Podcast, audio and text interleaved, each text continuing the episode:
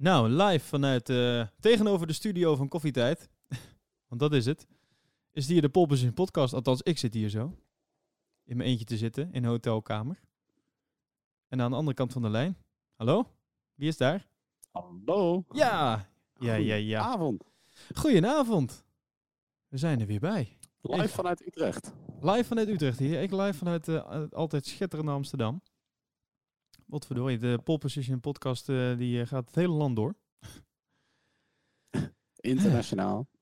Ja, internationaal. Ik heb mijn bloedheid trouwens. Ik trek even eh, mijn overhemdje uit. Is totaal niet interessant voor de podcast. Ik zit hier echt in een heel, in zo'n heel modern hotel, zit ik. Dus een, moderne motel, een modern hotel herken je aan het volgende. De douchecabine die staat midden in je kamer. Wauw, daar zit jij nou ook in dan? Eh, de- klinkt het zo? Een beetje. Nee, ja, en, en ook de wc staat ook midden in mijn kamer. Ik moet die twee ook niet door elkaar gaan halen. Wordt echt een Dat is zootje. praktisch om meerdere redenen. Ja, dat, het is wel heel klein dit trouwens. Ik weet niet, voor het geld wat ik hiervoor heb neergelegd. Maar ja. En, eh, het- Ah, fijn. ja, het is, eh, het is behelpen. Ik word wel aan alle kanten welkom geheten. Op alle schermpjes die hier staan. Staat zelfs een iPad hier zo. Dus eh, ik zal ook even kijken of die ik straks mee naar huis kan nemen.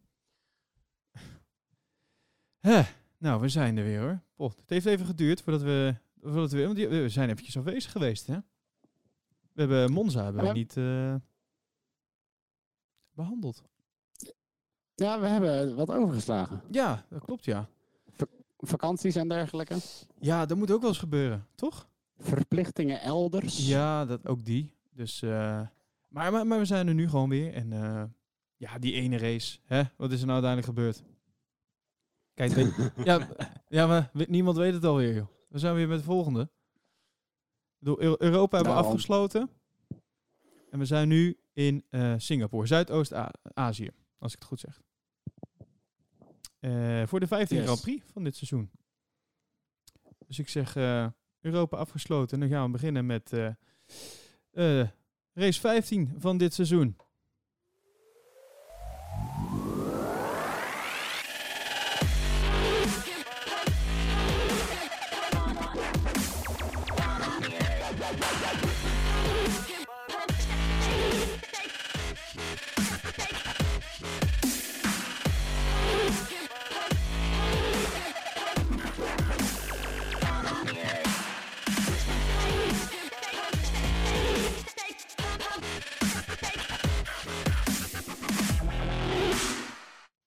Ja, dames en heren, vrienden en vriendinnen van de autosport. Dat zo zegt Olaf Mol dat altijd zo mooi. Vrienden en vriendinnen van de autosport.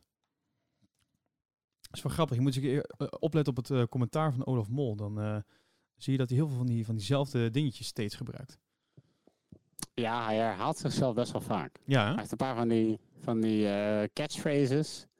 ik, ik heb deze keer heb ik weer iets, iets meer op zijn commentaar gelegd. En, en soms denk ik ook, Olaf, wat zeg je nou toch allemaal? ik weet dat eh, de meningen over de beste man eh, redelijk verdeeld zijn. Niet iedereen is blij met Olaf Mol als eh, commentator. Ik, volgens mij ben jij ook niet Dat per se fan van het, van het hele... Oh ja, je hebt het al eens een keer over gehad volgens mij. Zeker. ik vind, nee, ik ben geen, nee, niet, niet onverdeeld fan van Olaf. Nee, nog steeds En ik vind dat hij veel fouten maakt. Ja? Ja, joh, als je. eh hè, natuurlijk, ik bedoel, dit was, dit was de 500, eh 500ste race. Of Eh, niet meer is. Over het algemeen eh, topwerk. Maar nee, eh, eh, volgens mij was het ook aan het, aan het starting grid eh, van, van deze race. Dat je overal de banden zag. Ah ja, heel de top 10 eh, gebruikt softs. En iedereen eh, gaat, eh, gaat naar mediums. En ik zag toch echt gewoon een hard compound ertussen staan. Weet je wel, dat soort dingen. Oh ja, ja, ja. Ja. denkt, ik zie het letterlijk op mijn scherm staan. Of ook van die, van die boordradio's dat ik denk, ja, eh, gast, eh, luister je wel precies naar wat je... Want hij herhaalt ze dan altijd even met wat er ongeveer gebeurt. Ja. ja, nou moet ik wel zeggen, ik, ehm, eh, ik heb wel eens beelden gezien van hoe hij daar dan commentaar aan het doen is en wat hij daar allemaal mo- moet doen en knopjes en dingen en wat hij allemaal bijhoudt. Ik doe het hem sowieso niet na. Want Nee, het, is wel, het is vrij veel informatie. En ehm, buiten het commentaar ook nog het hele weekend, eh, want Jack die doet natuurlijk wel interviews en dat soort dingen, maar ook Olaf is best wel veel op pad voor informatie en dingen en zo. Het is, het is best wel pittig hoor. Eh, en ik merk bij mezelf Nee, ook, oh, als ik, als Ik zo'n weekend moet verwerken. Ik, eh, meest, ik, op, de, op de racedag, nou sterker nog, een uur na de race, dan moet ik echt wel heel erg gaan nadenken van, oh jeetje, wat is ook weer allemaal gebeurd, zeg maar. Het is, eh, ik vind het allemaal vrij snel gaan ook of zo. Let, het gaat letterlijk heel snel, maar ook, ook Ja, ik was... qua informatie gaat het, er gebeurt zoveel in zo'n korte tijd, zeg maar. Ja. Dus, eh, maar jij zit nog steeds gewoon eh, Eng- Engeland aan dan, of niet? Of je luistert, ja, want je weet wel hoe die doet. Je luistert wel. Nee, Blijkbaar. nee, ik luister wel. nee, ja, ik zit nog altijd met het, met het eeuwige probleem dat ik heb. eh, is, ik krijg hier eh, Ziggo in prima kwaliteit binnen. En Ja. dat doe ik liever dan dat ik ga lopen Hannes met, eh, met streams. Ik kan gewoon geen, geen goede vinden van Sky. Nee, klopt. Schoot, en op je dak. daar ook weer de moeite dan niet voor. Dus nee, joh, dan luister ik gewoon het Nederlandse. En ik zeg al, weet je, het is vanaf de bank is het altijd heel makkelijk dingen roepen. Ehm, dat doe ik dan ook graag. Maar ehm, nee, over het algemeen doet hij, doet hij het natuurlijk prima. Maar het is, het is wat anders dan, ja, eh, eh, ik bedoel, het is gewoon exact het tegenovergestelde van, eh, van, van Sky, waarbij twee mannen het heel actief doorpraten. En in Nederland eh, één man het ja, heel erg met, met een roze maxbril aan elkaar praat. Ja, terwijl hij altijd ook heel erg expliciet zegt dat hij dat niet doet. Ja, kom op. Ga hem wel eens voor de gek houden.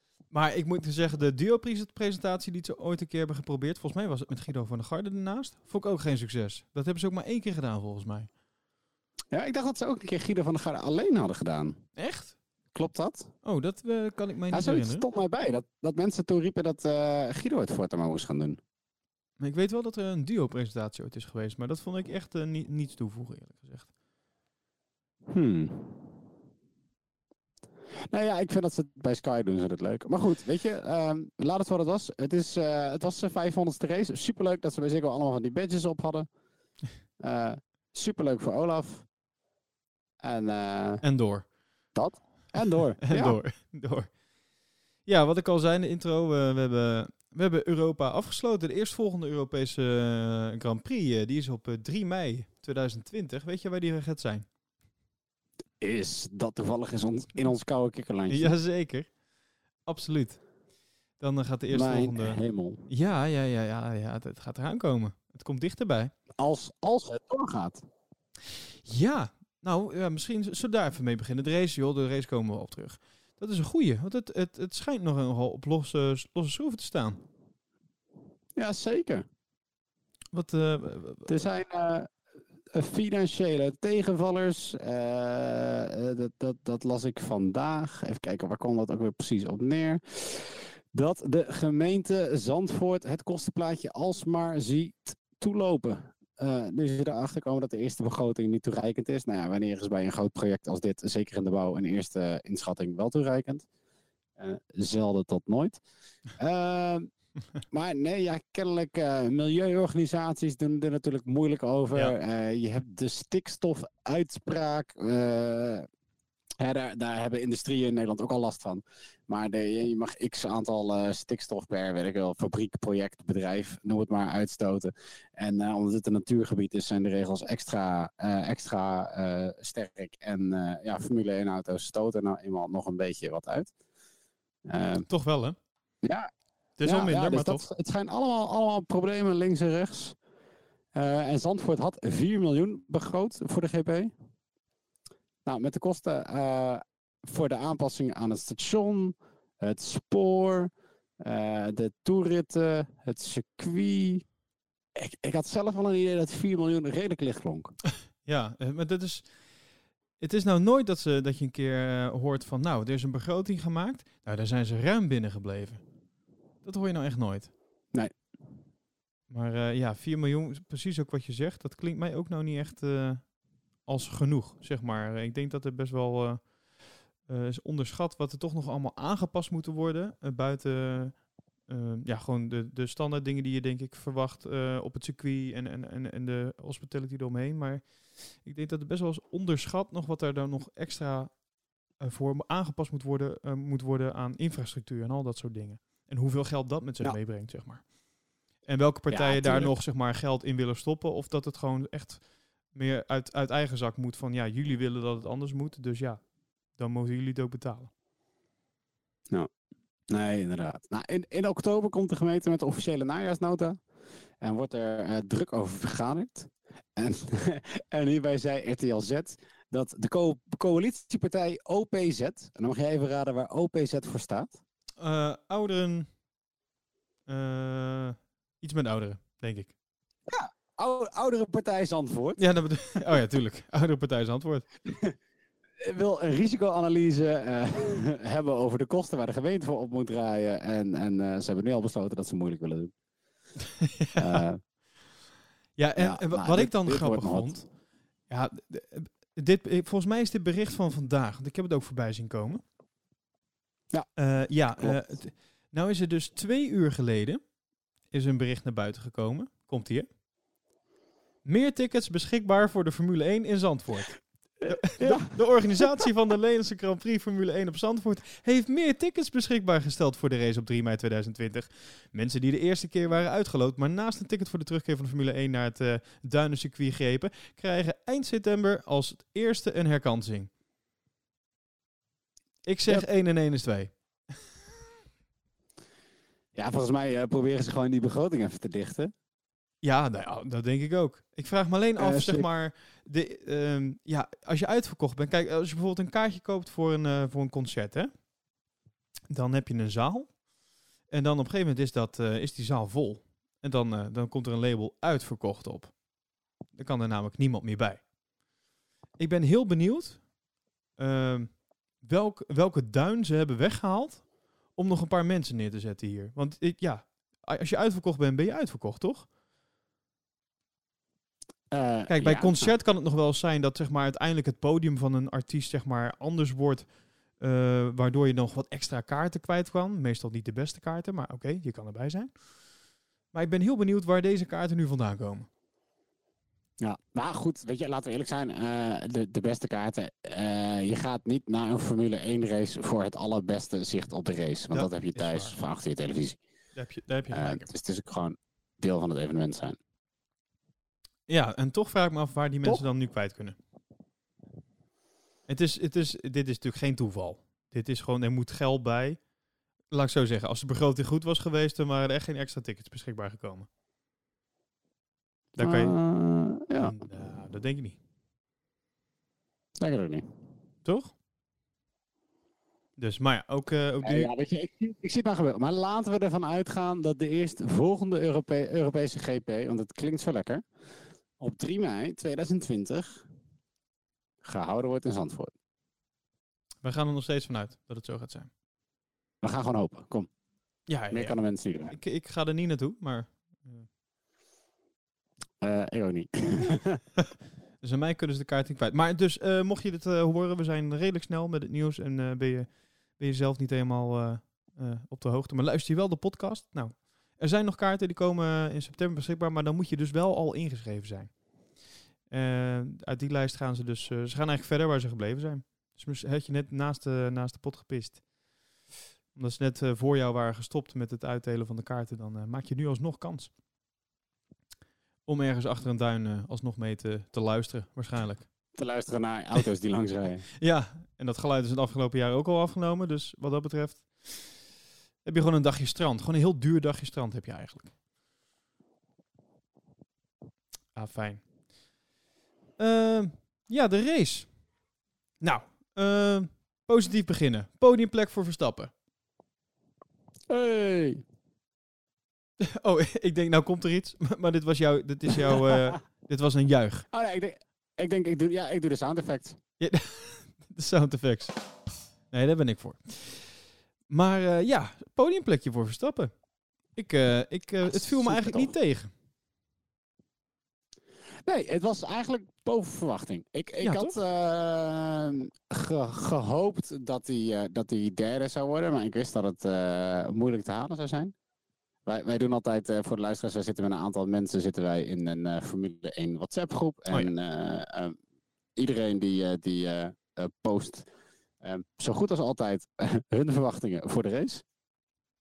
Bijna nooit heeft iemand het goed. nee. nee, we zijn niet de beste voorspellers. We moeten er echt geen geld op in gaan zetten. Maar ik had daar heel hoopvol gezegd dat ik dacht dat Max derde zou worden. En eh, dat, eh, dat Hamilton tweede zou worden en eh, dat een van de Ferraris eerste zou zijn. Nou, dat, dan... Maar ik bleek, ik bleek het goed mis te hebben. Ja, ja. Nou, je zat er niet heel ver naast. Een Ferrari op de eerste plek. Ik denk alleen niet dat jij Leclerc, of Vettel had verwacht op die plek. Eh, nee. Dat is denk ik een verrassing voor iedereen. Daar komen we later even op terug. Eh, Hamilton, ja, buiten het podium dus. Maar ja, Verstappen op de derde plek, die had je dan wel weer goed. Ja, En dat- ja, super gedaan toch? Ja, dat was, dat, maar hij moest er wel even voor werken. Toch? En zeker Ja. aan het einde moest hij hem ook echt wel even verdedigen nog tegenover eh, Hamilton. Ja, dat was voor mij ook wel een beetje eh, een van de weinige eh, plekken in de race waarbij ik op het puntje van mijn stoel heb gezeten. Maar Ja, de toch? laatste tien rondes. Ja, want het was niet de meest spannende wedstrijd, om eerlijk te zijn. Toch? Nee, Sowieso, het was een beetje, een beetje een optocht. ja, sowieso kent eh, Singapore nooit eigenlijk heel veel uitvallers. Eh, volgens mij was vorig jaar was er maar eentje uit mijn hoofd. En nou, dit jaar dan drie. Ehm, en drie safety cars erbij ook. Dus dat is dan wel weer eh, veel. Ehm, maar ehm, ja, en, en juist als zo'n safety car dan komt, dan eh, hou ik toch altijd weer een beetje mijn hart vast. Eh, want ehm, ja, Red Bulls, die Red Bulls willen nog wel eens moeite mee hebben om daarna weer een beetje op gang te komen. Maar ehm, dit ging eigenlijk wel allemaal gewoon goed. Nee, Dus- zeker. Het is, eh, en ook gewoon überhaupt de start en zo. Ik bedoel, ja, net zoals je zegt, Red Bulls, die hebben het gewoon... eh, dat, is, eh, dat is volgens mij alleen maar, alleen maar go en niet de eerste paar meters. Nee, ja, plus eh, het is natuurlijk heel lastig. Je moet je band natuurlijk warm houden achter die eh, safety car. En dat is gewoon, daar moet je best wel Ja, hard voor werken. iedereen. Ja. Toch? Ja, maar voor zover ik, wat ik begreep in ieder geval, en volgens mij had Max dat ook ergens geroepen in, eh, in de media, is dat, dat nou ja, ja, dat ze de- daar best wel moeite mee hebben. In ieder geval het, het, het, de safety car momenten. Ja. Ja, nou ja.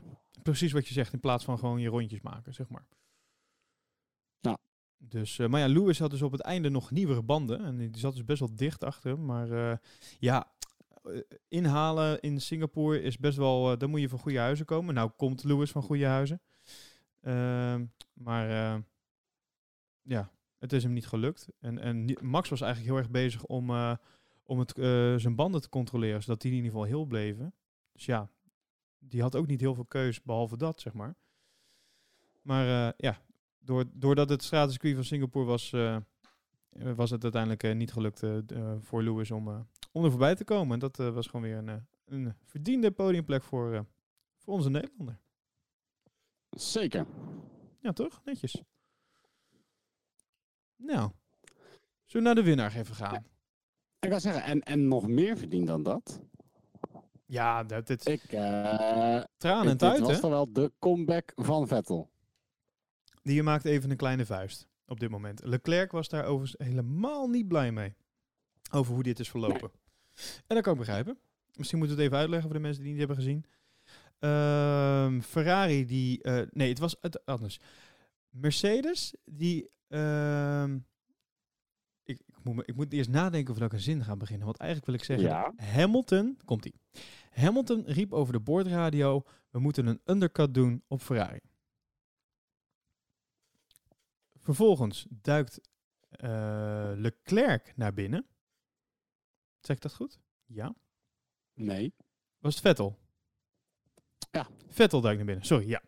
Vettel, Vettel doet de undercut. Vettel ging als eerste naar binnen toe. Ja, klopt. Maar, team, maar vlak eh, daarvoor was de van boordradio van Hamilton die zei van wij moeten de undercut doen. Toen dook Vettel naar binnen. Die reed voor. Dus Lewis die reed door. Vervolgens komt Vettel eh, weer naar buiten. En komt voor Leclerc. Die anderhalf rondje eerder was gestopt. Zeg ik dat goed? Volgens mij wel. Nee, Leclerc was helemaal nog niet gestopt. Nou ben ik het helemaal kwijt. Ja, nee, kijk, oké. Dus, ga jij het eh, vertellen? Ja. Eh, Mercedes riep dat ze een undercut wel wilden doen. Of Hamilton riep dat. Maar Mercedes die doet dat wel eens vaker. Die hebben er zo'n spelletje van. Ja. Dat eh, de engineers lekker naar buiten lopen met een setje banden. En vervolgens 30 seconden later weer naar binnen toe lopen. Gewoon om andere mensen in de zijk te nemen. Ik vind, ik moet, ik vind het wel grappig. Dat het. Ik vind het een Maar goed. beetje, een beetje kinderachtig of zo. Maar, eh, de- maar dat, Ja, maar het is, het is een beetje van, weet je, de, eh, net als, als vroeger bij, bij een proefwerk, dat iemand bij je af wilde kijken en je expres gewoon groot even de verkeerde antwoorden opschreef.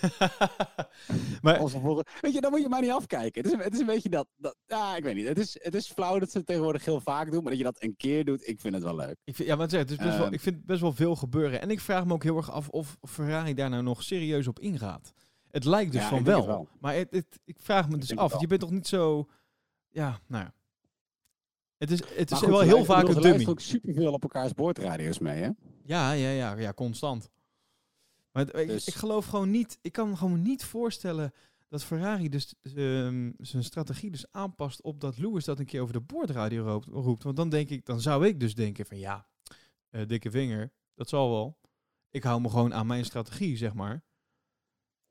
Ik denk, Ja, maar ja, dat is met een, met een undercut is het natuurlijk lastig. Ik bedoel, ja, je, je kan je, op sommige momenten kan je het niet doen. Het, het hangt heel erg af van, van de afstanden tussen auto's. Maar als je precies op dat niveau zit, jij weet niet hoe het eh, in het andere team zijn auto gaat. Of die banden nog, nog wat zijn of niet. eh, eh, of zij nog een ronde doorrijden of niet. En undercut, je, ja, je moet dat voorspellen. Ik bedoel, op het moment dat je, dat je reactief bent, ben je te laat. ja, nee, dat is waar. Dus- maar ik dus heb, ja, ze proberen het te voorspellen. Nou ja, goed, dat, dat, dat proberen ze in dit geval ook.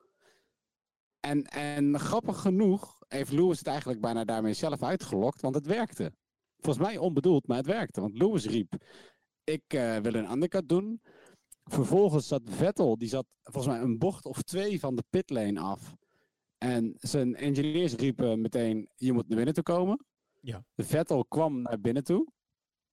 Terwijl ehm, eh, Leclerc toen eigenlijk nog eh, bezig was om opzettelijk langzamere rondjes te rijden. Dat is een tactiek die hij had afgekeken van eh, Hamilton, die, die hem ongetwijfeld ook wel ergens geleend heeft. Maar Hamilton deed het vorig jaar ook. Die begon de race heel langzaam te rijden toen hij voorop lag. Omdat het zo moeilijk is om mensen in te halen. Om te zorgen dat hij zijn banden optimaal hield voor het einde van de race. Ehm, eh, en om te zorgen dat hij nog extra snelheid kon maken in het geval van een undercut. Eh, nou, Vettel die, die, die rijdt de pits in en die komt die pits uit. En, en tegen de verwachting, denk ik, van Leclerc in. Of, of ja, hè, niemand heeft hem gewaarschuwd dat hij op dat moment dat tempo moest gaan maken. Mhm. Komt eh, Vettel voor Leclerc terecht. Terwijl Leclerc op dat moment eh, ook nog moest pitten. ja, dat, dat zei ik net. Nee, je zei Leclerc. Eerste keer, eerste keer draaide hij hem om. Ja, nee, maar toen had ik mezelf verbeterd. Maar dan ge- ik bedoelde dus Sorry, wat jij zei. Maar niet uit. Ik bedoelde wat jij zei. Ik bedoelde dat Vettel in ieder geval voor Leclerc weer naar buiten kon. En die... Oh, die moest nog naar binnen. Ja, daar maakte Ja, ik de die fout. moest nog ja, ja, ja, ja, ja, ja, ja, ja, ja. Ja, dat was hem. Eh, en toen heeft Leclerc heeft nog anderhalf, twee rondjes gewacht. Voordat hij uiteindelijk ook naar binnen ging. Juist. Ja, nee, nee, nee, je, je, je hebt gelijk. Ja. Ja, en da- dat heeft hem dus voordeel gebracht. En uiteindelijk eh, eh, moest, eh, moest hij nog even voorbij Gasly, Vettel, even later. want er Oh. waren natuurlijk wat coureurs. Ja, er waren wat coureurs die andere pit... Wat? Wat wil je zeggen? Ik, zei, ik, ik, nee, ik hoorde dat ik alsnog een fout maakte. De eerste keer dat Vettel natuurlijk uit zijn pits kwam, kwam hij helemaal niet voor Leclerc terecht. Want hij lag er al achter en hij pitte net. Dus toen reden ze een tijd uit elkaar. Na anderhalf, twee rondjes had Leclerc gepit. En toen Leclerc terugkwam, kwam hij achter Vettel terecht. Toen Ja. Leclerc uit de pitstraat kwam rijden, haalde Vettel hem net in en, en kwam hij er net Ja, achter ja, terecht. ja, ja, ja. Dankjewel. De, de luisteraars die zijn inmiddels Is- afgehaakt. Die zijn het helemaal... Ja, wou het zeggen. Eh, ja, we hebben nog eh, drie luisteraars. Eh, mijn vader, mijn moeder en Sandra. Die lopen echt te schreeuwen naar, die, naar hun podcast device op dit moment. Excuses. Dit is wat ik dus net bedoelde met zoveel informatie. Maar niet uit. Ja. In ieder geval, het, eh, het moraal van het verhaal is dat eh, Vettel profiteerde van die keuze. En ehm, ja, Leclerc daar achteraf eigenlijk niet zo blij mee was. Om het zo maar even te zeggen. Want hij voelt... Ja, Nee, maar ik moet zeggen. Ja, wat, wat vond jij van de reactie van Leclerc erop? Ehm, begrijpelijk als coureur zijnde die als eerste reed op dat moment. Eh, maar ik denk dat Ferrari op dat moment geen andere keuze had. Ik denk eh, om zeg maar die positie te verdedigen, moesten ze doen wat ze nu hebben gedaan. Dat dat nou zo uitkomt, ja, dat is, denk ik, dat is, niet zozeer strategie. Ik denk dat het gewoon reageert op wat er op dat moment gebeurt op de baan. En daar is uh, Leclerc nu gewoon de dupe van geworden. Toch? Of zie je dat anders? Nee, ja, weet je, ik, ik denk hier en hier vond ik dat, uh, dat Olaf veel goed commentaar had. Oh, had Olaf goed uh, commentaar? Ja, zeker. Oh. En dat, dat, hij, dat hij zei van, ja, weet je wat de Klerk wel moet snappen, is, is je rijdt wel voor, voor één team. Uh, maar ieder setje engineers wil natuurlijk dat hun rijder het uiteindelijk het beste doet. Ja. En, en die gaan ook gewoon beslissingen nemen. Ja, je komt daar als team, maar je bent nog steeds tegen elkaar aan het racen. En als zij op dat moment een, een window zien dat ze denken: oké, we kunnen hier pitten en we overleven het met de banden. Ja, dan, dan gaan ze dat gewoon doen. Het ja. is niet alsof je hem in de weg zit. Het is niet alsof Charles niet kon pitten omdat uh, het pitwindow bezet was. Nee. hij pitte anderhalf, twee rondjes later. Dus ja, dan moet je niet zo gaan zitten mouwen, joh. Ja, maar en, en ik wat vond ik echt dat hij een beetje kinderachtig reageerde. Ja, dat, uh, dat vond ik ook. Maar ik denk ook, wat ik al zeg, ik denk dat Ferrari ook geen... Laat ik zo zeggen. Hij rijdt in een Ferrari-auto. Met, met een Ferrari-logo op zijn pak. Dus hij rijdt voor dat team. Op dat moment maakte dat team een keuze om een van zijn rijders te beschermen. Voor zijn positie in dit geval. Dat, dat, ja. hij, zou dat, hij zou toch uh, willen dat het team dat hetzelfde zou doen voor hem. Ja. En kijk, dat Vettel, nadat hij naar buiten komt, echt een dijk van een outlap rijdt. Ook dat nog een keer. Want dat heeft hem de winst uiteindelijk opgeleverd. Hij reed gewoon een hele goede outlap. En uh, ja, dat Leclerc daar dan nu van de dupe is, ja, dat is zuur. Maar dat, dat is natuurlijk niet zo bedoeld. En het is ook zeker niet de schuld van, van het team, vind ik. Dit is gewoon nee. de samenloop van omstandigheden. Ja, daarom. Dus, dit dit nee, heet racen, dus, toch? Uh, of ben ik nou in de war? Sorry? Dit heet racen, toch? Of ben ik nou in de war? Ja. Ja, daarom. Weet je, dan vind ik het eerder dat die... Uh, uh, maar dan moeten we niet naar, naar Singapore, maar naar de vorige race toe gaan. Waarbij Leclerc uiteindelijk Vettel geen toe wilde geven. Dat vind ik dan meer reden om te zeiken. Want dat zijn gewoon afspraken. En Ja. dit is gewoon, ja, je, wanneer het jou het beste uitkomt. En natuurlijk, als je daar elkaar mee in de weg zit, dan laat je de nummer één pit als team zijn. Dat is verstandig. Uh, maar als dat niet zo is, ja, dan rij lekker je eigen race. En, en des, desalniettemin zou ik me nog kunnen voorstellen dat Ferrari hierbij misschien ook dacht: oké, okay, uh, moeten we niet even een klein beetje in het voordeel spelen van Vettel? Want Vettel heeft het ook gewoon een beetje nodig. Ik, ik vraag me af of dat, uh, of dat de overweging is geweest. Of dat mee, ja? zou, of dat ja. mee heeft gespeeld. Ik denk dat het gewoon. Uh, de race ontvouwt zich op een, bepaalde, uh, op een bepaalde manier. En dit is, naar mijn idee. Laat, laten we eerlijk zijn. De strategische keuzes van Ferrari, wat dit betreft, uh, zijn beter dan die van Mercedes geweest dit weekend. Um, ik, ik, ik vond eindelijk dat Ferrari gewoon weer een aantal goede. Ja, in dit geval vond ik het echt een hele goede keuze om te doen.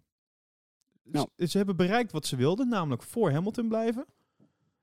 En daarmee hebben ze ook nog een keer een van hun rijders eigenlijk op kop gezet. Ja, ten koste van hun eigen rijder, dat snap ik. Maar uh, voor het team maakt dat uiteindelijk niet uit. Nee. Ik vind, ik vind gewoon dat ze het uh, perfect hebben gedaan. En ik snap dat. Uh, nou ja, ja voor, dat... voor, het team, als we, als we naar de punten kijken. in het klassement tot nu toe. dan staat Leclerc op een derde plaats met 200 punten eigenlijk, hier staat hij op de, op de vierde plaats in het overzicht dat ik, dat ik zie, maar eigenlijk een gedeelde derde plaats met Max met 200 punten. Uh, Vettel staat op positie nummer 5 met 194 punten. Ja, maar ik, ik ja. Dus jij dus als, zegt... Als Leclerc 25 punten had gehad in plaats van de 18, uh, had hij wel echt nog boven Max gestaan. Ja, ja, ja dat snap ik. Maar ik denk dat dat, ik vind dat erg ver, um, ver afstaan van Nee. de keuze die je op dat moment in een race maakt om een positie te verdedigen. Snap je? Nee, is waar. Dat, uh, ja. Hey, maar speculeren mag. Nee. dat is, daar zijn wij voor. Toch? Uh -huh. Oké, okay, nou, dan uh, verliezer van het weekend. Wie is de grootste verliezer, uh, vind je? Ik, Grosjean. ja. Grosjean was voor mij pannenkoek van de dag. Nou, van het weekend. Ik vind dat we daar gewoon een titel voor moeten maken. Pannenkoek van de dag. Oh, dan moet ik even een jingle voor in, eh, in, eh, Ja. inspreken. Ehm, ik, wil- Ja, ik zal hem nu even live... Iedere... Ik zal hem nu even live voor je doen. Ja? Speciaal voor jou. Komt-ie? De pannenkoek van de dag. Dag, dag. Op, opnemen, onthouden. ja. Pannenkoek van de dag. Ehm, laten we doen alsof we nog niet weten eh, wie de pannenkoek van de dag is. Ik laat gewoon een fragmentje horen en dan mag jij zeggen wie het is. Are you okay? Are you okay? Yeah, we just need to avoid talking into corners. Apologies. Look, Heb jij dit fragment meegekregen? Eh, nee, Nee? Oké, wie denk je dat het is? niet, niet, niet live. Dit is sowieso Grosjean. Nou, dat heb jij goed gehoord. Applaus. Oh nee. Ah, applaus. Hier. Ja. Oké. Ja, Grosjean. Eh, je- dit eh, fragment heb je niet meegekregen? Eh, nee, Nee, ah, vertel. dit, nou, dit was weer een fantastisch moment. Eh Grosjean die, eh, die spint ergens eh, in de, even denken, vrije training 2 was dat. Die, eh, die gooit zijn auto weer even eraf. Eh, niets ernstigs, gewoon een spin. Ehm, en vervolgens kregen we dus de bordradio die we net horen. We kunnen nog wel even, kijken, even luisteren. are you okay? Are you okay? Yeah, just avoid talking into corners. Apologies. Ja, are you okay? Are you okay? Yes, just no more talking into the corners. Dat is wat hij zegt. Hij Ah, wil graag niet meer dat, eh, dat, eh, dat er wordt gesproken terwijl hij in, eh, in de bochten rijdt. Nou, Ja, het lijkt het mij... schuld ergens anders aan. Ja, nou dat, maar het lijkt mij dat een race engineer dat, zij, dat wel weet. Ik denk niet dat dat verteld hoeft te worden, toch? Nou, En- ik, ik denk dat ze, daar, daar letten ze toch überhaupt. Ik bedoel, die gasten die hebben iedere paar seconden hebben ze een bocht. Ik bedoel, dan heb je twee rechte stukken waarop je iets mag roepen of zo. Ik, ik hoor toch zat boordradio's, als je het hebt over eh, Leclerc die pist was over die undercut. Die zat gewoon super relaxed een heel gesprek met zijn engineer te voeren over dat hij het er niet mee eens was. Terwijl die, weet ik veel, met 200 nog wat door de bocht heen ging. Ehm, ik zag een eh, rondje van, eh, van Lewis. Volgens mij was het de pole van vorig jaar. Eh, die zat eh, tijdens eh, het uitkomen van de bocht en het ingaan van een nieuwe bocht nog even een rembalansje hier daar aan te passen, de links rechts. Die stond allemaal neemsbestuur te doen. Ik denk, holy, dat is echt dat is niet normaal. Ho- Hoeveel di- dingen met, tegelijk worden gedaan, weet je wel. En dan, ja, ik weet niet. Ik vond het gewoon heel zwak dit moment. Dit vond ik echt. Ik had, ehm, ik weet niet of ik dit had gedaan over de boordradio. Nee, ik vind, ik vind trouwens, nee, ik bedoel, hè, Grosjean heeft een jaar bijgetekend bij Haas. Ehm, hij moet weten waar de lijken verstopt liggen. Ik kan me niet voorstellen waarom Gunther hem anders nog zou bijtekenen. Maar goed. dat, eh Gunther heeft dat Hij moet uitgelegd. iets hebben op iemand of zo. Gunther heeft dat eh, ergens uitgelegd. Eh, in een filmpje heb ik dat voorbij zien komen. Oh jeetje, dat heb ik natuurlijk weer niet paraat nu. Maar die gaf eh, wel eh, een vrij politiek correct antwoord dat ze toch voor een ehm, ervaren rijder wilde gaan. eh, die al langer bij het team zit. Ehm, nou ja, ik, zal- ik zal even het fragmentje Nee. opzoeken. van, eh, Stop Hulkenberg in die auto. Alsjeblieft. Grosjean was echt een pannenkoek. En dan heeft hij deze race, heeft hij, wat op positie 17, 18 heeft hij, het merendeel van de race heeft hij doorgebracht. Ehm, uiteindelijk is hij wel elfde gefinished. Maar bij Godse gratie. Ja, en hij had ook weer een momentje met ehm, Fiat, zeg ik dat goed? Ja. Eh, in de race eh, richting het einde. Dat, dat zijn allemaal van die dingen. Het zijn allemaal kleine dingen. En ik zeg niet dat dit per se zijn fout was, maar hij was er wel bij betrokken. Ja, En dat, dat zeg maar, dit wil je niet. Het, hetzelfde als dat spinmomentje, weet je wel. Dat, ehm zulke soort momentjes moet je gewoon even niet hebben. En zeker niet als je eh, ook nog een keer zo onder... Nou, ik weet niet of hij het ervaart als onder druk staan. Maar als, als er zoveel over je wordt gesproken... En ik snap, dat is zo vrij lastig als, als de druk eh, wordt opgevoerd. Dan, eh, dan ga je sneller fouten maken. Maar ja, dit zijn, dit zijn dan niet momenten die meewerken, laat ik het dan zo zeggen. Dus, eh, en, en dan ook nog een keer die boordradio erachteraan, dat ik denk helemaal denk van... ach. weet je, dan wordt het gelijk weer helemaal een ding. Als het alleen maar die spin was geweest en er was doorgegaan, had je er niemand over gehoord. En nu, ja, misschien ben ik de enige die het dan opvalt en die het er dan weer even uitknipt. Maar ja, ik vind het wel weer opvallend. En nu is het gelijk weer een ding, weet je wel. Want hij verdedigt zichzelf tegenover zijn engineer. Terwijl iedereen eigenlijk denkt van, nou, volgens mij is dit niet nodig. Ja, en dan ook de engineer die vrolijk zijn excuses gaat maken. Ja, dat dacht ik ook, gast. Je laat je ook wel kennen, zeg. Maar ja, dat is misschien wel de wijze, eh, wijze om gewoon dat te doen en te laten gaan.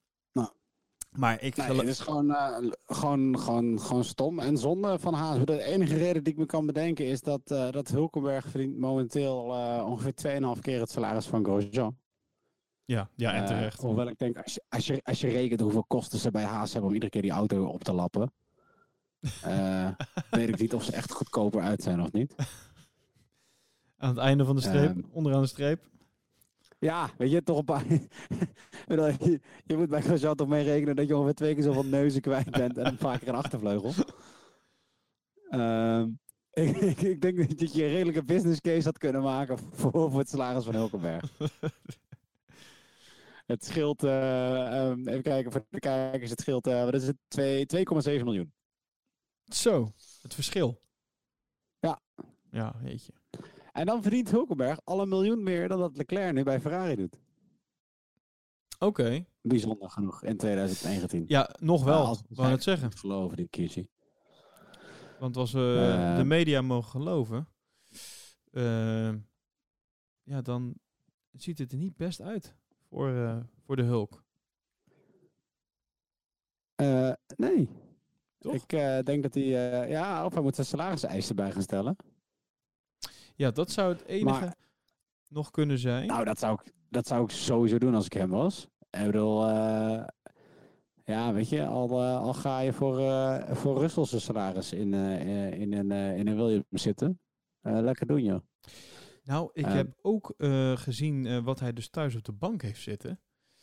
Ik, dat heb jij waarschijnlijk ook even voorbij zien komen. Ehm, ja, ik snap wel dat je, dat je denkt van, nou ja, of voor heel veel geld en anders maar niet. Hmm. Nee, heb je dit niet, eh, heb je dit niet voorbij zien komen? Eh, nee. Oeh, wacht even. Ja, dit is. eh, ja, voor de mensen die dus nu zitten te luisteren, ja, die heeft even niks aan. Dat snap ik. Ehm, dan moet ik even de naam opzoeken. Oh ja, hier zo. Ik heb wel een foto van. even kijken. Ze was dus ook even in beeld. Olaf had er nog een leuke, een leuke opmerking over. Eh, ik ga het even voor je De opzoeken. van Hulkenberg. Ja, je zag Hulkenberg even racen en daarna zag je de pitbox van Renault. En dan, eh, daar stond ze even om het hoekje te gluren. Zo even kijken. Ik weet ook niet hoe hij haar naam uitspreekt. Eg- Egle? Egle? E-G-L-E? En dan Ruskiete. Of zo. Oh ja. Oh, jij hebt... jij hebt Google er ook even op nageslagen. Even kijken. Eh, mocht hij achter de computer zitten, kijk gezellig mee. Ehm, maar ik had ook echt de stil gevonden van, eh, van de opname. Die kan ik nou even niet zien. Ehm jeetje, dit is echt een oninteressante eh, Ja, podcast. hè. laten, laten we doorgaan met de race. Nou, ik vind dit wel de moeite waard om even op te zoeken. ik ga het even opzoeken. Ga jij vast verder. Maar in ieder geval, oh ja, dus ik snap wel dat, eh, dat eh, Nico zegt van ja, of heel veel geld of ik ga wel lekker thuis zitten. Want daar heeft hij eh, genoeg redenen voor. Ja, maar toch. Bedoel, het, lullige voor Nico is, het, het, het ziet er niet zo goed uit voor hem voor volgend jaar. Ik, ik vrees eerlijk gezegd dat we gewoon geen Hulkenberg hebben Ja, volgend jaar. ik vrees ik denk dat hij gewoon naar een ander klassement gaat. Want de enige twee plaatsen waar hij nog heen zou kunnen gaan zijn Alfa en Williams. Ja. Ehm, en nu heeft Alfa eh teambaas eh, gezegd.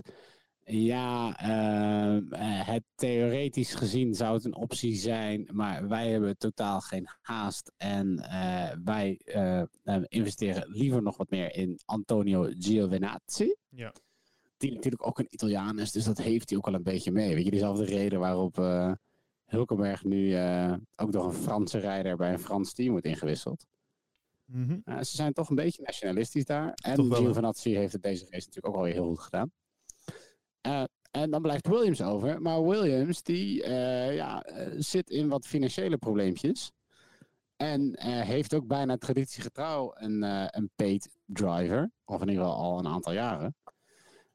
En daar heb je Latifi die op een, op een Ja. stoeltje aast. Het, het stoeltje van Kubica of Kubica. net of je het nou, hoe je het uit wil spreken. Kubica. Uh, ja, die, die Kubica die gaat natuurlijk gewoon weg dit jaar, na dit jaar. Dus dat, dat stoeltje komt vrij, maar ja, Kubica die nam geld mee. Russell doet dat niet. Uh, ja, als je dan uh, Williams, Claire Williams heeft zelf gezegd, ja, we zijn nog niet in gesprek met Hulkenberg. Uh, ja, we gaan normaal gesproken voor een paid driver, maar er zijn oplossingen te bedenken waarbij dat niet nodig is. Maar ja, ga je dan kiezen tussen uh, Latifi of Hulkenberg? Terwijl één van de twee gewoon een flinke zak geld meeneemt. Terwijl Ja, ja, je de afgelopen paar jaren al flink geld aan het verliezen bent. Ja, dat is het ding, hè. Lijkt, lijkt mij voor Claire geen, eh, geen hele moeilijke keuze. Ik bedoel, Hulkenberg is goed, maar niet zo goed, om het maar even te zeggen. Nee, ja, dat is, een, dat is ook een beetje het ding wat dan in Hulkenberg kle- kleeft. Hè? Dat, eh, ja, hij maakt het eigenlijk net niet genoeg waar. Ehm, en hij heeft nog wel een aanbod gehad bij eh, McLaren, zo is eh, uitgelekt. Eh, maar dat zou voor IndyCar zijn. Ja. Voor 2020. Maar ook, ook die, die heeft hij afgewezen. Dus ik ben heel benieuwd ja, wat het dan nog gaat worden. Want zoals je net al eh, zegt... Ik denk eh, dat hij of een testrijder wordt, of eh, mm, dat hij naar de DTM gaat. Ik had ook iets gehoord over dat Mercedes hem wel bij DTM wilde tekenen. Bij DTM? Oh. Ja. Oké. Mercedes DTM-team. Oké. Maar Nou ja. ja, dan, dan doe je toch wel een stapje. Dan weet je dan, ah, ik denk dat als je dat eenmaal, eenmaal doet, dan, dan kom je ook niet meer terug in de Formule 1. Nee, dat, dat is waar. Ja, dat is... eh, Tenzij je eh, zo'n naam, weet je, tenzij je al een wereldtitel hebt. Hè, is iemand als, als Alonso die toch een uitstap. En dan is IndyCar ligt toch ook nog wel dichter, de, denk ik, tegen Formule 1 aan dan DTM. Ehm, dat, je dat, dat je dat zou kunnen doen, dat je zo'n uitstapje wel zou kunnen maken. Maar eh, ik denk dat, eh, dat voor Hulkenberg zonder enige win ooit op z'n op voor Formule 1 op zak, dat hij dan gewoon niet meer terugkomt. Ik, ben, ik ben bang dat het ook gaat zijn. Het wordt een beetje de, de Ocon, hè? Van vorig jaar. Ja, alleen ehm, was Ocon eh nog een stuk jonger en stond hij nog wel onder contract. Dat is het enige verschil. Eh, Ik, eh, ondertussen heb ik even een eh, linkje naar je gestuurd. God, het is lang geleden dat ik op deze website ben geweest. Maar het is... Ik laat... maar ehm, ja, dan kan je even... Ik zal hem in de show notes zetten. Oh, ik schaam me er bijna voor. Maar Ja, ik kan gewoon, ik kan gewoon een plaatje eraf halen. Ja. Maar inderdaad, weet je, zorg dat je een, eh, eh, wat is het, een, een vriendin vindt zoals de vriendin van Hulkenberg kijkt naar de, het scorebord als hij aan het rijden is. ja, dat is... Want Toch? Ze kijkt wel een partij verliefd en schattig. Oh, Ja, ja, ja, ja, ja. ja. ja, ja. Oké, nou ja, tot zover Grosjean en Hulkenberg. We zijn via Grosjean bij Hulkenberg gekomen. Ehm Gasly. Toro Rosso. Gasly reed zowaar even op de tweede plek. Hey. Ik ben benieuwd hoe dat heeft gevoeld, want in een eh, Red Bull is het hem eh, bijna niet gelukt. Eh, uiteraard kwam dat door pitstopstrategie, dus eh, ik hoop dat de familie snel een foto heeft gemaakt, zoals Olaf dat altijd netjes zegt. Eh, ja, Ja, eh, dat zei hij trouwens, eh, heel even tussendoor, ook over Giovinazzi. oh ja, die op de eerste plek reed. Ja, dat, is, dat zei, en de vriendin van Giovinazzi is snel een foto aan het maken van het scorebord. ja, toch? Het ziet er Nice. leuk uit. maar eh, ja, hij, hij lijkt zich wat meer thuis te voelen in, in de Toro Rosso. Ja, hij gaf het zelf ook, eh, ook aan hè? In, de, in de persconferentie, eh, eh, volgens mij. Het, eh, de Toro Rosso is gewoon weer rijden zoals voorheen. En het, het ding staat gewoon afgesteld zoals hij het wil. En in verhouding reed hij natuurlijk met, met ja, hij was het derde van, nee, tweede best of the rest. Positie 8. Ja. Is, is natuurlijk eindeloos veel beter in verhouding dan wat hij in zijn Red Bull heeft bereikt. Nee, absoluut. Eh, en ik heb ook eigenlijk het idee, eh, en dit is hij ook wel een beetje aan, eh, aan zichzelf verplicht, dat, hij, ja, dat het gewoon veel beter gaat met waar hij nu weer zit. Toch? Alleen het zure voor hem is, is dat het ook erop lijkt dat Albon zich goed nestelt in de Red Bull. In het begin van het weekend leek Ja. het even een beetje tegen te vallen. De, het verschil in de rondetijden tussen hem en Max, volgens mij in vrije training 1 was het iets van 1,2 seconden. Eh, later eh, was het nog iets van 0 ko- eh, 0,9. Ehm, maar uiteindelijk is het allemaal een beetje bijgetrokken richting de race. en da daar moet je dan ook nog een keer bij in je achterhoofd houden dat het, het was voor hem de eerste keer op Singapore om te rijden. Dus hij heeft nog nooit op dat circuit gereden. En ik vind had wel de kleine foutjes hier en daar, ook tijdens de vrije trainingen. Maar ja, die, ja, die vergeef ik hem dan. Om het zo maar te zeggen. Nee, zeker. In ieder geval, ehm, ik vind ook dat hij, het, dat hij het ontzettend goed doet. En ondanks dat hij, eh, dat hij eh, zesde stond, wat natuurlijk ook altijd de plek voor eh Gasly was. eh, hij bleef heel goed bij. Ja, Hij bleef gewoon echt aan de kont van Bottas plakken. Ja, en dat is iets wat we, wat we Gasly dus niet hebben zien doen in, eh, in het eerste seizoen zelf. Dus dat was vaak dat er toch eh, gaten vielen. En hij eh, of in niemandsland reed, of veel meer dichter richting de best of the rest dan, dan bij de top ja, vijf, zes, in ieder geval waar hij hoort te rijden. En nou, wat je zegt, hij is in ieder geval zesde geworden in deze race. En dat eigenlijk gewoon ja, weet je, Max, ik, ga het niet eens vergelijken met Max. Dat vind ik gewoon niet fair, weet je wel. Ik vind eigenlijk ehm, de zesde plek, plek is, is eigenlijk de plek waar hij hoort te rijden op dit moment. Dat is voor hem outstanding, denk ik. In die auto, en ik snap wel dat, dat er wordt gezegd, ja, maar in die auto doet Max iets anders. Maar ik vind nog steeds, Max is gewoon ehm, ja, buiten categorie. En ik, Ja. ik vind dat Gasly, eh, het verschil tussen Max en Gasly, want dat is dan toch de vergelijking die je moet maken, ja, vooralsnog eh, veel groter was dan, dan wat nu lijkt met Albon. Albon lijkt steadier, ehm, lijkt meer te durven, meer te doen. Ehm, ja, het voelt beter. Nee, ben ik 100%, eh 100% met je eens. Het is echt, eh, echt impressive hoe hij het, eh, hoe die het doet. Ik ben heel benieuwd wat ze, wat ze daar qua stoeltjes ehm, gaan doen volgend jaar. Ik ook. Eh, Ik, ik eh, had het nog leuk gevonden. ja. Een kleine, kle- kleine terugkoppeling als, eh, als Hulkenberg eh, naast Max was komen zitten. Eh, Eh, dat gaat sowieso ja. niet gebeuren. Nee. Nee, en ik, ik vind Maar- eigenlijk dat, ehm, zoals het nu gaat, kijk, we, we moeten nog een aantal races, maar ehm, ik snap dat dit een test is van Red Bull. Ehm, maar ik, ik vind echt dat Albon op dit moment gewoon verdient. En nogmaals, we, het zijn maar een paar races en we moeten nog wel wat aantal, maar zoals die, hij zich ontwikkelt en eh, waar hij vandaan komt, et cetera, ik, ik vind echt dat hij op dit moment eh, het plekje echt wel verdient. Ja, Dus- nee, zeker. Hij doet het onwijs goed. ja, toch? Ehm, nog iemand die het heel goed doet. Ehm, eigenlijk een team wat het goed doet. Ehm, maar vooral één rijder, vind ik. Mag jij raden?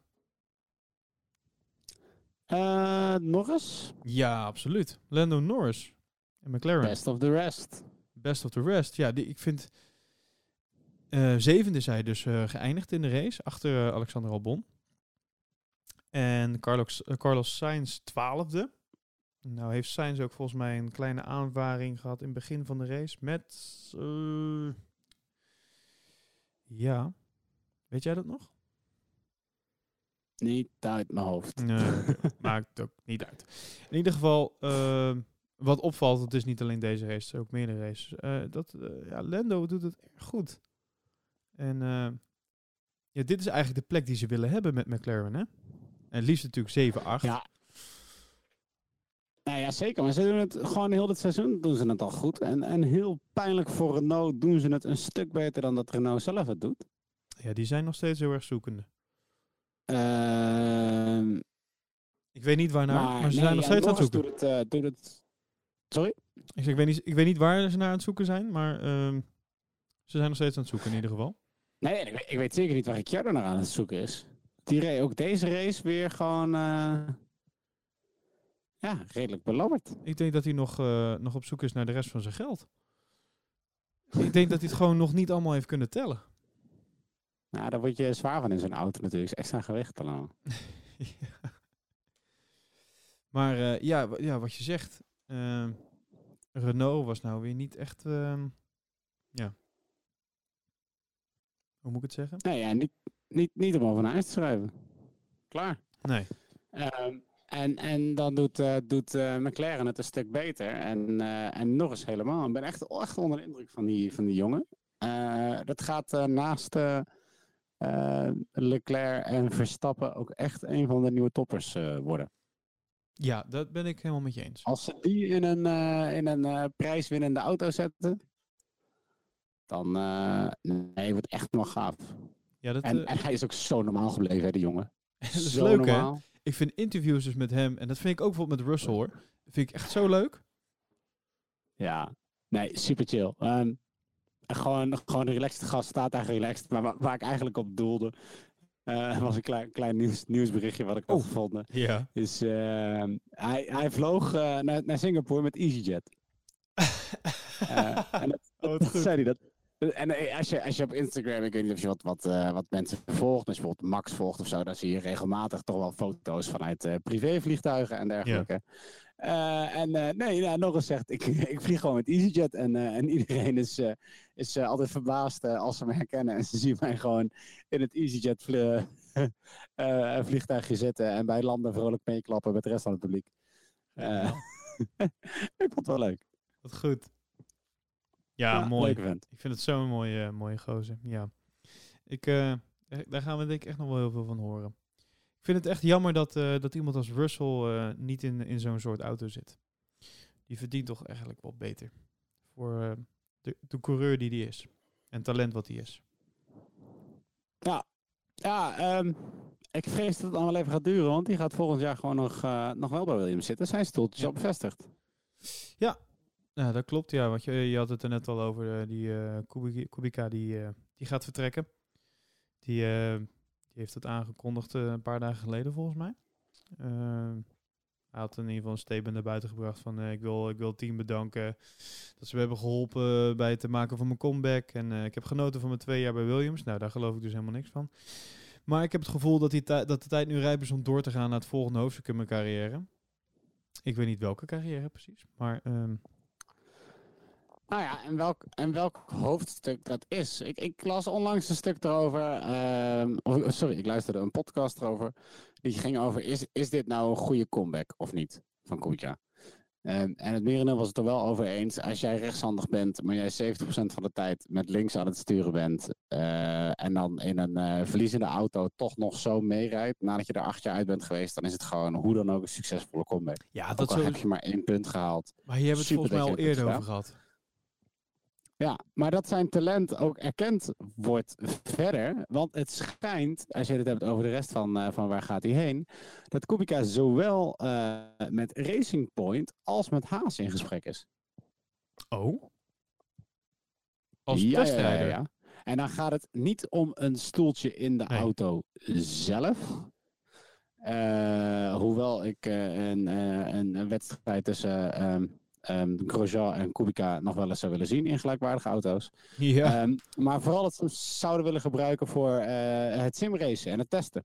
En vrije trainingen. ja, ja, ja. Oké. Dat is eh, interessant. Dus ja, toch wel gebruik maken van, eh, van zijn, eh, zijn kennis. Maar eh, ja, erkennen dat het misschien met, met ja, de, de handicap die hij toch heeft, moeilijk is om, om in zo'n auto gewoon een hele race zo te rijden. Dat je zegt, nou ja, dan, dan haal je iets van de fysieke constraints eraf, maar gebruik je wel gewoon zijn kennis en zijn kunde in de, in de simulators en om de auto af te stellen. Ik, het viel mij op, ehm, volgens mij was het in de persconferentie, ehm, even denken, vooraf aan het weekend. Dus op de donderdag is dat volgens mij altijd. Ehm, daar werd onder andere, volgens mij Lewis werd daar een eh, vraag over gesteld over het vertrek van de Kubica in ieder geval. Het viel me op in ieder geval dat heel veel rijders de, de man hoog hebben zitten. Dat was heel Ja. opvallend. Volgens mij, eh, ik, ik heb hier een quote gevonden. Ehm ik kon het filmpje even niet vinden. Maar hij zegt, eh, I've known Robert probably the longest, I would say. We started racing together in go-karts in the late 90s. Um, said five-time world champion eh, Hamilton. Ja, dat zei dus in die persconferentie. Robert is one of the most talented drivers I've competed against. Uh, I've seen the talent he had. Uh, it's still there when you had it. What's remarkable is the strength and the determination he's shown, particularly through the incident he had. Not a lot of people can come from those circumstances and make it back into the sport and deliver against others who don't have the same situation he's been in. I think it's been great to have him back. It's definitely not the same scenario as when he was in a more competitive team back in the day, but he's done. Uh, but he has done great this year. Dus. ehm, en ik begreep dus ook dat, eh, ja, wat jullie wat jullie dus al zeiden, dus ze hebben voorheen, eh, ehm, ja, in de late 90s hebben ze al gekart en zo. En ik begreep dat, eh dat Kubica echt toen gewoon echt een stuk beter was dan, dan Hamilton ook. Dus eh, Ja. de, de man die kan Ja. echt wel wat. En dat wordt best wel gerespecteerd eh, door, eh, ja, door collega's. Ja, nou ja, toch, toch, toch mooi om te horen. En ik hoop dat ze zijn, zijn kennis en kunde dan bij, bij een Racing Point of een Haas kunnen gebruiken. Kijk, deze foto zegt toch veel. Hè? Ik, ik stuur je even een linkje. Ik zal hem ook in de show notes zetten. Maar gewoon de, ja. Soms kan ik Lewis denk ik van, joh, zet nou dat, eh, dat clownmasker nou eens af. Of in ieder geval, zet op, eh, laat nou gewoon eens de echte Lewis zien. Eh, in plaats van altijd de beleefde en de, nou ja. Maar ook heel vaak denk ik van, ja, dit is toch wel, volgens mij is dit gewoon Lewis. En ik denk dat hij het soms een beetje overdrijft, maar ik denk dat de man zelf heel oprecht is. En nou, ook deze woorden die hij dan uitspreekt bij zo'n persconferentie, die- ja, hij zegt dat dan wel weer heel mooi, zeg maar. Er is maar één die dat dan kan en dat is Lewis. Heb je de foto gezien? Ja. Toch- zegt leuk. veel, toch? Goed. Ik vind het echt Ehm, een mooie foto. Yes, die, eh, die eh, mag op het internet. Je ziet het eh, respect gewoon. En, en over, daarover gesproken, over nu het over Lewis hebben. Eh, de, heb je dat momentje even gezien? Volgens mij was het eh, bij Van Gameren die liet het zien. Eh, dat was voor vrije training 1 kwam Lewis aanrijden op zijn bekende stepje. En ehm, er, er stond een man die stond dat te filmen. En ehm, ja, Lewis die moest dus de pitbox in en die reed een soort van half onder zijn arm door. Want hij stond ja, te filmen en hij moest met een stepje er langs. Maar er was niet heel veel ruimte. En doordat hij zeg maar te- eh, langs reed, ehm, tikte hij zijn arm aan de, van de man die dus met zijn telefoontje aan het filmen was. En die, die telefoon die valt uit zijn handen. Op de grond. En ehm, toen is Lewis is er later, ik weet niet hoe dat is eh, gekomen verder. Misschien dat iemand van de persafdeling dat even heeft ge- geregeld. Maar in ieder geval, die, die heeft later de, de desbetreffende telefoon even ondertekend. Met een, een sorryberichtje erop en een handtekening. Ja. Heb je dat voorbij Ja, zien komen? Ja, ja, ik heb de foto gezien. Ja, top. Ik vind dat zo... eh, Je kon alleen niet helemaal uitmaken over eh, of zijn scherm nou ook gebroken was of niet. Je zag alleen de achterkant Nee, van de telefoon. Klopt, ik weet ook niet. eh, ja, klopt. Jij zag alleen de achterkant, ja. Die, die zag er niet meer heel puntgaaf uit, moet ik zeggen. Maar ik weet niet of dat nou kwam doordat hij was gevallen of, of niet. Maar ja, dat. Kijk, aan de ene kant kan je zeggen, dit werkt natuurlijk heel goed. Dit is voor je social eh, en, en voor je, het, het beelden van je merk is natuurlijk echt heel goed om zoiets te doen. Ehm, maar ja, aan de andere kant, ik geloof ook echt wel dat hij dit zo oprecht doet. Zonder voorbedachte raden, laat ik het dan zo zeggen. Ja. Dus vond ik Nou een ja, leuk momentje. Ehm, gewoon, volgens mij prima kerel. En eh goede, goede woordjes over Kubica. Ja, absoluut. Ja. Ja. En eh, nou ja, het is goed om te horen dat er in ieder geval eh, opties liggen voor hem om, eh, om in de Formule 1 te blijven. Al dan niet in een stoeltje. Maar ehm, ik denk dat hij nog niet uitgereisd is. Ehm, z- dan vraag ik me alleen af of hij dan ook zo'n aangepast stuurtje krijgt. Heb je dat nog gezien? Ja, daar zag ik iets over staan, ja. Dat we een stuurtje hebben waarbij hij voornamelijk alles met links bedient. Ja, ze hebben dus... eh, ik probeer nou een foto van dat stuurtje te vinden, maar... Nou, ik heb er geentje kunnen vinden. Ja, heb je de foto kunnen vinden? Of niet? Nee, nee, Oh. niet. Ik, eh, ik ben even op zoek voor je. Ehm, maar dat, eh, dat klopt wat je zegt. De, daar zijn de knoppen. Ehm, eh, je hebt links en rechts in een soort van half maandje zitten er een x aantal knoppen. En eh, wat ze bij Kubica hebben gedaan, is ze hebben eh, op de rechterkant, en dat is de kant waar hij dus eh, zijn soort van handicap heeft, ehm, hebben ze minder knoppen erop gezet en die hebben ze verplaatst naar de linkerkant. Daar is het halve maandje dus iets groter geworden. En ze hebben ook wat knoppen nog aan de achterkant toegevoegd. En nee, ik kan er geen foto van vinden. Maar dat was eh, opvallend. Maar hij zei zelf in het interview met ehm, Jack dat dat eh, niets te maken had met zijn handicap. Nou, lijkt me dat eh, Ehm, een beetje ra- waarom? Ja, ik snap niet waarom dat hij dat zei. Maar ehm, hij zei ook dat het stu- stuurtje al begin van het seizoen was beloofd. In Melbourne zou dat stuurtje er al moeten zijn geweest. En hij was er pas vorig, de vorige race. In Monza. Oké. Ehm, Williams is wat traag met ontwikkelen. Eh, ja, ik weet niet of de centjes waren op. Ik weet, op dat moment. Ehm, ik, ik heb geen idee. Maar ik vond het wel opvallend. Ehm, als in, ja, eh, zou hij anders hebben gereden met zijn andere stuurtje? Om het zo maar te zeggen. En nogmaals, hij zegt zelf dat het niks met zijn handicap te maken heeft. Maar Ja. Nee, maar goed, waarom doe je het dan?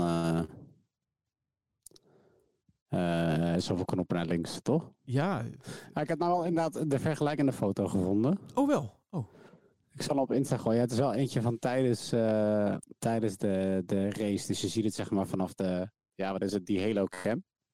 oh ja. Eh, maar je ziet inderdaad een, rits, een extra ritsje knoppen erbij. Ze hebben, ze- die knoppen zijn gewoon, ja, waar normaal knoppen zouden zitten, is het nu zwart, zeg maar. Er zit dus niks. Oh, en kennelijk lees ik hier ook, is het niet het stuurtje, als, is het alsnog niet eens het stuurtje waar hij om had gevraagd. Oh, niet? Oh, dat had hij dus niet Nee, verteld nee, in dat dus het is- interview. Het is wel, eh, ehm, ja, het is wel een nieuw stuurtje, wat hem al in eh, november beloofd was, maar het is nog steeds niet helemaal zoals hij het wil hebben. Ik heb hem gevonden hoor. Nice. Kijk maar eens even in jou, in jou, bij jouw linkjes. Zit ook rechts zitten wat eh, van dat, eh, ja, hoe noemen we dat? Een soort van, van tape wat je om, je, om de, eh, de greep van je, bijvoorbeeld van je tennisracket doet. Om, om meer grip te hebben. Maar dat zit ook alleen rechts. Ook opvallend. Zie je? Zwarte knoppen. Mhm, Ja, ja. Het is, eh, Maar ja, wat denk je? Zou die beter zijn geweest met een ander stuurtje? Nou, maakt er niet uit. De Auto- auto. De eh, auto is de auto, hè? Ja, je ziet het aan Russell. Ja, ja, dat is waar. Maar zou die, oké, maar laat ik het dan anders zeggen. Zou die beter zijn geweest tegenover Russell? Nou ja, hij is de enige met een punt. Ja, ja, ja. Ja, Ehm, maar over het nee. algemeen. Toch? Ja, ik weet niet. Ik ben er niet zo overtuigd van, eh, van, van Russell. Ik weet dat jij dat heel erg bent, maar ik heb nog weinig dingen zien doen waarbij ik denk, nou, je bent echt amazing eh Ja, goed bezig. Ja, maar dat snap ik. Als je in een, eh, zeepkist met, met wielen rondrijdt. Kom op. Ja, oké. Dat is logisch, hè? Zeepkist heeft altijd willen, maar dat maakt niet uit. Maar dus ik, nee, ik weet niet wat, wat Kubica had gedaan als hij in een McLaren of zo had gereden. Ja, we zullen het... eh, Ik denk dat we het nooit zullen weten. We, maar het zeg, we zullen het nooit weten. En dat geeft niet. Oké. Nou, hebben we nog een team Ehm. niet behandeld? Jazeker, we hebben nog zeker een team niet behandeld. Alfa Romeo. Toch? Ehm, ja. Heb jij daar nog een, eh, nog een boeiend nieuwtje over? Het, het enige dat ik eh, over Alfa eigenlijk eh, kon vinden was... Nou ja, Giovinazzi heeft een ronde lang de GP eh, geleid. Het schijnt dat ze dat het uitbundig hebben gevierd. Ja, voor het eerst sinds 1983. Eh, hij kreeg uiteindelijk trouwens... Ja, dit was nou wel leuk. Hij kreeg een tiende seconde tijdstraf... Een voor het tiende seconde. langs de stewards rijden tijdens de gele vlag. Een tiende seconde Ja, ja. tijdstraf. Zeker. Ja. Heeft verder geen impact gehad op zijn score. Ehm, maar nee, hij kreeg een, eh, een tiende seconde tijdstraf eh, bij de eerste crash. Dat was die van Russell. Daar was de, de kraan was, rond aan het rijden om die auto op te halen. En toen reed hij toch ja, dichter langs de kraan en de stewards dan dat de FIA vonden dat nodig was. En daardoor kreeg hij een tiende seconde tijdstraf. Hartstikke Nee, idee. is, Die kan je in je zak steken. waar slaat dit nou op? Ja, nou ja, weet je, ik bedoel, ze moeten, ik denk dat dit was gewoon een statement. Ze wisten dat het niks eh, zou doen voor ze scoren. En ze willen gewoon even duidelijk maken van, jongens, hier letten we ook op. Dit zijn ook gewoon regels. Ja, dat is het. Het is gewoon meer een punt maken. Een tiende, dus slaat het? Nou, oké. Ehm, ja, eh, en dat is niet de enige straf die ze hebben gekregen de afgelopen weekend. Want ehm, de FIA heeft nog een straf uitgedeeld. Ehm, en ook dit is weer een beetje een, een, vreemde reden. En dat is namelijk een medewerker van het team was te vroeg op het circuit omdat hij zijn klok verkeerd had ingesteld. Wat nou? Nou ja, in Singapore is het dus zes uur later eh, dan eh, in de meeste landen in Europa. En eh, de race, weet dat? Ehm, even kijken, de nachtklok die geldt dan tussen half zes ochtends en half twee 's middags, lokale tijd. En de medewerker van Alfa Romeo ehm, had zijn klok echt op de verkeerde tijdzone ingesteld. En was dus een uur te vroeg aanwezig in de garage van het team. En daarvoor heeft de FIA dus een waarschuwing uitgedeeld. Had hij niet gewoon weer naar buiten kunnen wandelen dan? Ja, dat, eh, waarschijnlijk heeft hij dat ook gedaan. Want hij dacht, jeetje, waar is iedereen? Ik kan toch niks doen. Ik ga weer weg. Maar eh, ja, ja de, toch heeft de FIA daar een waarschuwing eh, voor gegeven. Heeft ook geen- verder geen verdere gevolgen. Maar iedere, iedere, ieder team mag twee keer per seizoen zeg maar, de avondklok overtreden. En eh Alfa Romeo heeft het nog niet eerder gedaan. Dus er was ook verder niks aan de hand. Het is, eh, het is zo'n heel raar, raar ding weer dit. Ja, what the fuck. Waarom, waarom zijn hier regels voor? Nou, eh, blijkbaar vinden ze het nodig. Maar dit is, ja. Dit past dus wel in het rijtje van eh, gekke straffen die eh, Alfa heeft gekregen. Of in ieder geval waarschuwing in dit geval. Dus. eh, En ik had nog een leuk berichtje gevonden over Alfa. Nu we, hè, we zijn er toch. Eh, iets positiever dan de straffen. Ehm, eh, ik las namelijk een berichtje, en dat vond ik een opvallend berichtje. Is dat eh, de eh, Eindhovense 3D-printers de ontwikkeling van Alfa Romeo versnellen. Ehm, vo- voordat ik het berichtje ben gelezen, probeerde ik daar even een klein beeld van, te- van voor me te zien. Maar Mhm. Hoe zie jij dat ongeveer voor je? Heb je wel eens een 3D-printer gezien? In het echt? Ja, ja, ja. Ja, ja, ja. Ik probeer dus te bedenken wat zeg maar, eh, wat voor printer, 3D-printer kan helpen om die auto dus sneller te maken. Nou, maar je kan toch wel, je kan gewoon onderdelen 3D printen. Ja. Dat vind ik geen hele rare. Heel, eh, Nou ja, maar ik, ik, pro- ik probeer, ja. Hoe, ik, ik, hoe zie je dat dan voor je? Jongens, we moeten een nieuwe voorvleugel. nou, dan doen we die eventjes ontwerpen. Print. Wat voor stukjes kan je dan 3D printen? Dat vroeg ik me gewoon af. Meestal zijn het toch gewoon Nou, je- veel meer, veel grotere dingen. Nee, ja, maar er zitten ook allemaal, weet ik veel, tig kleine vleugeltjes aan die je kan 3D printen. Ehm, ik bedoel, je kan allerlei materialen kan je 3D printen. Het is niet alleen maar plastic. Nee, dat is, dat is Nee. waar. De, de, Je kan gewoon, ah, je, kan, je, je, zou je hele versnellingsbak kunnen 3D printen als je het wil. Ik weet, ik weet niet of je het houdt of ze het zo sterk kunnen maken, maar je kan gewoon eh, eh, 3D-printer gebruiken om mallen te maken voor eh, alle, alle metalen onderdelen en zo. Ja, dat, ja, dat, oké, daar heb je gelijk in. Daar heb ik niet over nagedacht. Om bijvoorbeeld ook mallen te kunnen maken. Dat is een, dat is een goeie.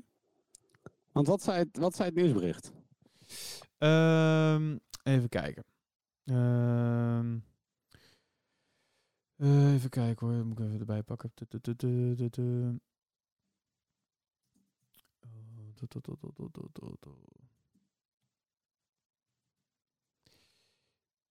Ja, weet je, nou zet je me weer voor het blok.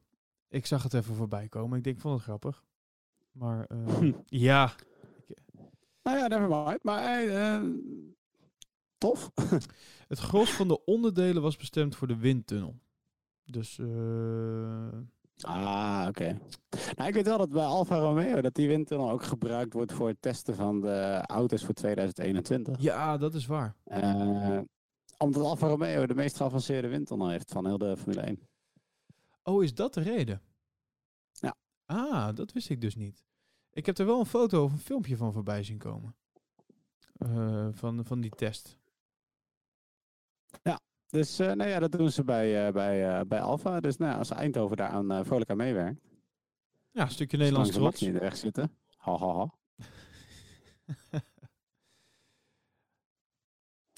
Ehm, en verder, even kijken. Ik denk dat we alles eh, toch enigszins gehad hebben. Nou, Ja. wat ik nog wel een belangrijke vind, was... ehm, hè, om het er toch even twee weken in moeten halen. Ehm, Ferrari was natuurlijk onwijs sterk. En dat, na Monza kwam het al een beetje naar buiten dat de schatting was dat Ferrari ongeveer 55 pk extra heeft. Ehm, en zowel Renault als Mercedes hebben officieel eh, klachten bij de FIA ingediend. Oh ja, dat Eh, verhaal. omdat, ze, omdat ze vermoeden, en, en ook Red Bull heeft in ieder geval contact gehad met de FIA, maar die stellen zich wat voorzichtiger op. Omdat ze vermoeden dat eh, Ferrari eh, ja, iets doet wat niet helemaal door de beugel heen ja, kan. klopt, ja. En daar zijn eigenlijk drie theorieën over. Eén, want, want het idee is een beetje voor de mensen die dit niet hebben meegekregen. Dat, dat Ferrari kan ehm, eh, onwijs veel, eh, eh, eh, veel, veel snelheid maken, zeker op de rechte stukken. En dat ze daar voorheen een soort van slow lap moeten hebben om op te laden. En dat ze daarna één snelle ronde kunnen doen. Ja. Eh, en dat zou kunnen zijn, eh, nou, de drie theorieën die nu bestaan, is één is dat ze op een bepaalde manier de, de accu of de accucellen verder eh, op kunnen laten, laden in die slow lap, waardoor ze meer ehm, eh, pk's of uit de elektromotor kunnen krijgen, of dat ze hem langer kunnen gebruiken. Een tweede is dat ze een brandstofreservoir achter het meetpunt van de brandstofflow gemonteerd zouden hebben, die, die ze ehm, vol laten lopen tijdens een langzame lap. Ja. Eh, dus en wat bedoelen ze daarmee? Nou, de, de brandstofflow, de hoeveelheid brandstof die je in mag spuiten, die is, eh, daar zit een limiet op van de FIA. Want de Formule 1 auto's zouden veel harder kunnen gaan als ze dat niet zouden doen. En dan zouden ze dus na dat meetpunt een klein reservoirtje hebben wat ze dan vol laten lopen tijdens een langzame ronde. Zodat ze tijdelijk ja, voor 55 pk aan brandstof in kunnen spuiten. En dan denk je, nou, dat is ver gezocht. Eh, nee, ook daar zijn officiële regels tegen van de FIA, omdat het in het verleden gewoon door meerdere teams is gedaan. Oh, oké. Ja, ik dacht dat ook ja, iets te maken had met extra olie of eh, olie opnieuw gebruiken en verbranden. En... Ja, dat is, dat is theorie 3, dat ze inderdaad olie van de koeling zouden eh, gebruiken en Oh, dat ja. ze die ook mee zouden stoken. Eh, maar dat zou niet verklaren waarom ze een soort van oplaadronde nodig hebben. Dus dat zou wel verklaren, hè? Die, eh, die, of die batterijen moet je extra opladen, of je moet dat, eh, dat tankje, dat brandstofreservoirage moet je vullen. Eh, Met de olie is dat minder duidelijk. Ehm, maar daar komt dan ook bij dat ja, VIA heeft gezegd tot nu toe is er niks illegaals aan de auto. Eh, maar ze gaan het onderzoeken. Maar Shell geeft aan dat het, de brandstof die zij speciaal voor Ferrari ontwikkelen ook 21% van de vermogenswinst voor Ferrari ehm, voor zijn rekening zou nemen. Dus dat, dat zou het ook kunnen zijn. Shell springt in de bres. Eh, ja, nou ja, het is wel grappig, want dat is iets waar je dus niet vaak bij nadenkt. Ehm, hè, je zegt, nou ja, alle, alle banden voor de teams zijn gelijk. En, en veel mensen nemen misschien ook aan, alle brandstoffen zijn voor het team dus ook gelijk. Maar dat is helemaal niet zo. Nee, zeker niet het geval. Ehm, nee, Shell die, eh, die tankt voor, eh, voor Ferrari. Maar bijvoorbeeld eh, Toro Rosso en eh, Red Bull, die krijgen eh, de benzine van Ex, eh, ExxonMobil. Ehm, en dat maakt best wel wat verschil. Ehm, dus dat is ook, eh, als we hierbij aanhaken, een nieuwsberichtje over Toro Rosso of over ehm, Red Bull, maar net iets zegt. Dat zij mogelijk nog een nieuwe brandstof krijgen later dit jaar, wat ook weer wat eh, vermogenswinst zou moeten geven. Oké, Zonder dat het ze meteen een nieuwe motor kost. dat, eh, ja, ik weet niet hoeveel verschil dat kan maken uiteindelijk. Nou ja, kijk, als wat is het? Ferrari claimt dat 21%, eh, of Shell claimt dat 21% van de vermogenswinst eh, bij hun vandaan komt. Nou ja, dat zou op eh, 55 pk toch zo'n 10 pk zijn. Zou leuk zijn. Dat, ja, dat zou top zijn. Ik, eh, ja, ik vraag het me af altijd.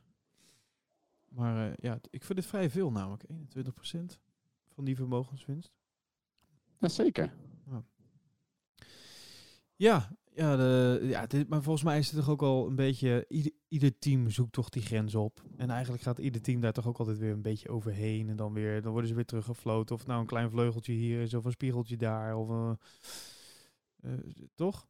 Het hoort een beetje bij het, bij het spelletje.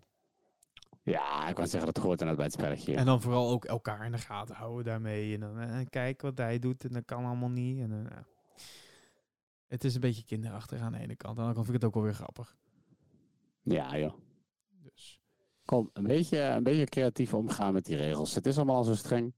Ja, daarom. Ik bedoel, eh, voor je het weet heb je waarschuwing aan je broek omdat je een uur te vroeg op je werk bent. Ik heb nog nooit een waarschuwing gehad dat ik een uur te vroeg op mijn werk was. Dat geeft niet. Maar dan weer duidelijk het verkeerde werk, Ellen. Ja, ik ben... nou, we zijn alweer langer dan een uur bezig. Jeetje.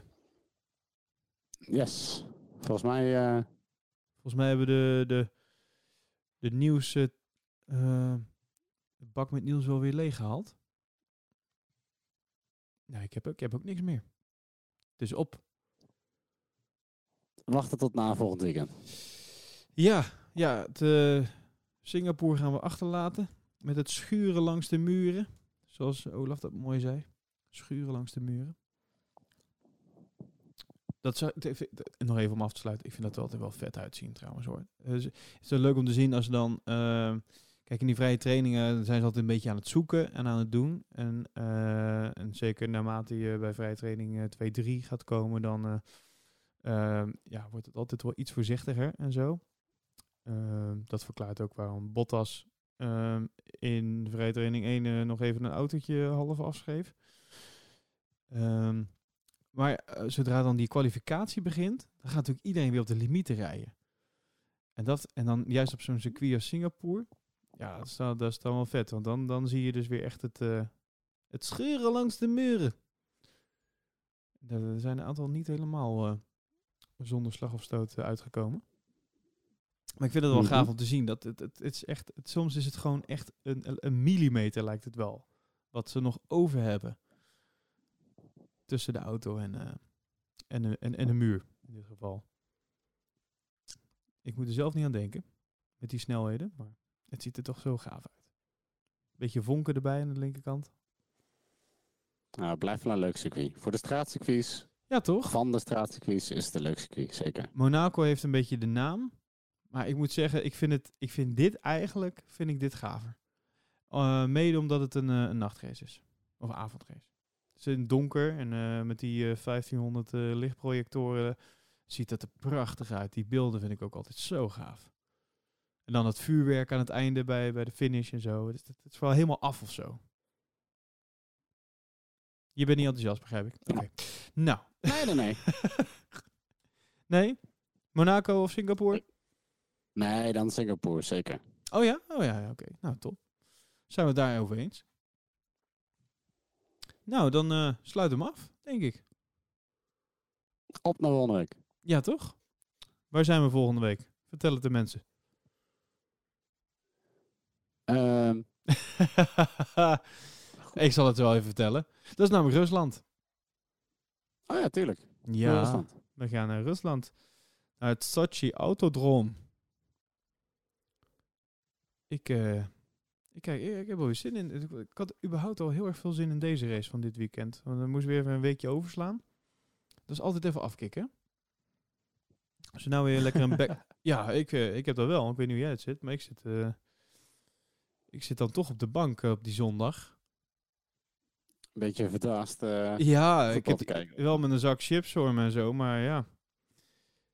Dan toch maar weer YouTube kijken? Oude, oude, oude filmpjes. Ach ja. Dus Rusland, volgende week. En dan eh, gaan we daar weer eens over praten. Nou, laatste woorden voor de luisteraar, Matthijs. Ik geef ze weer aan jou.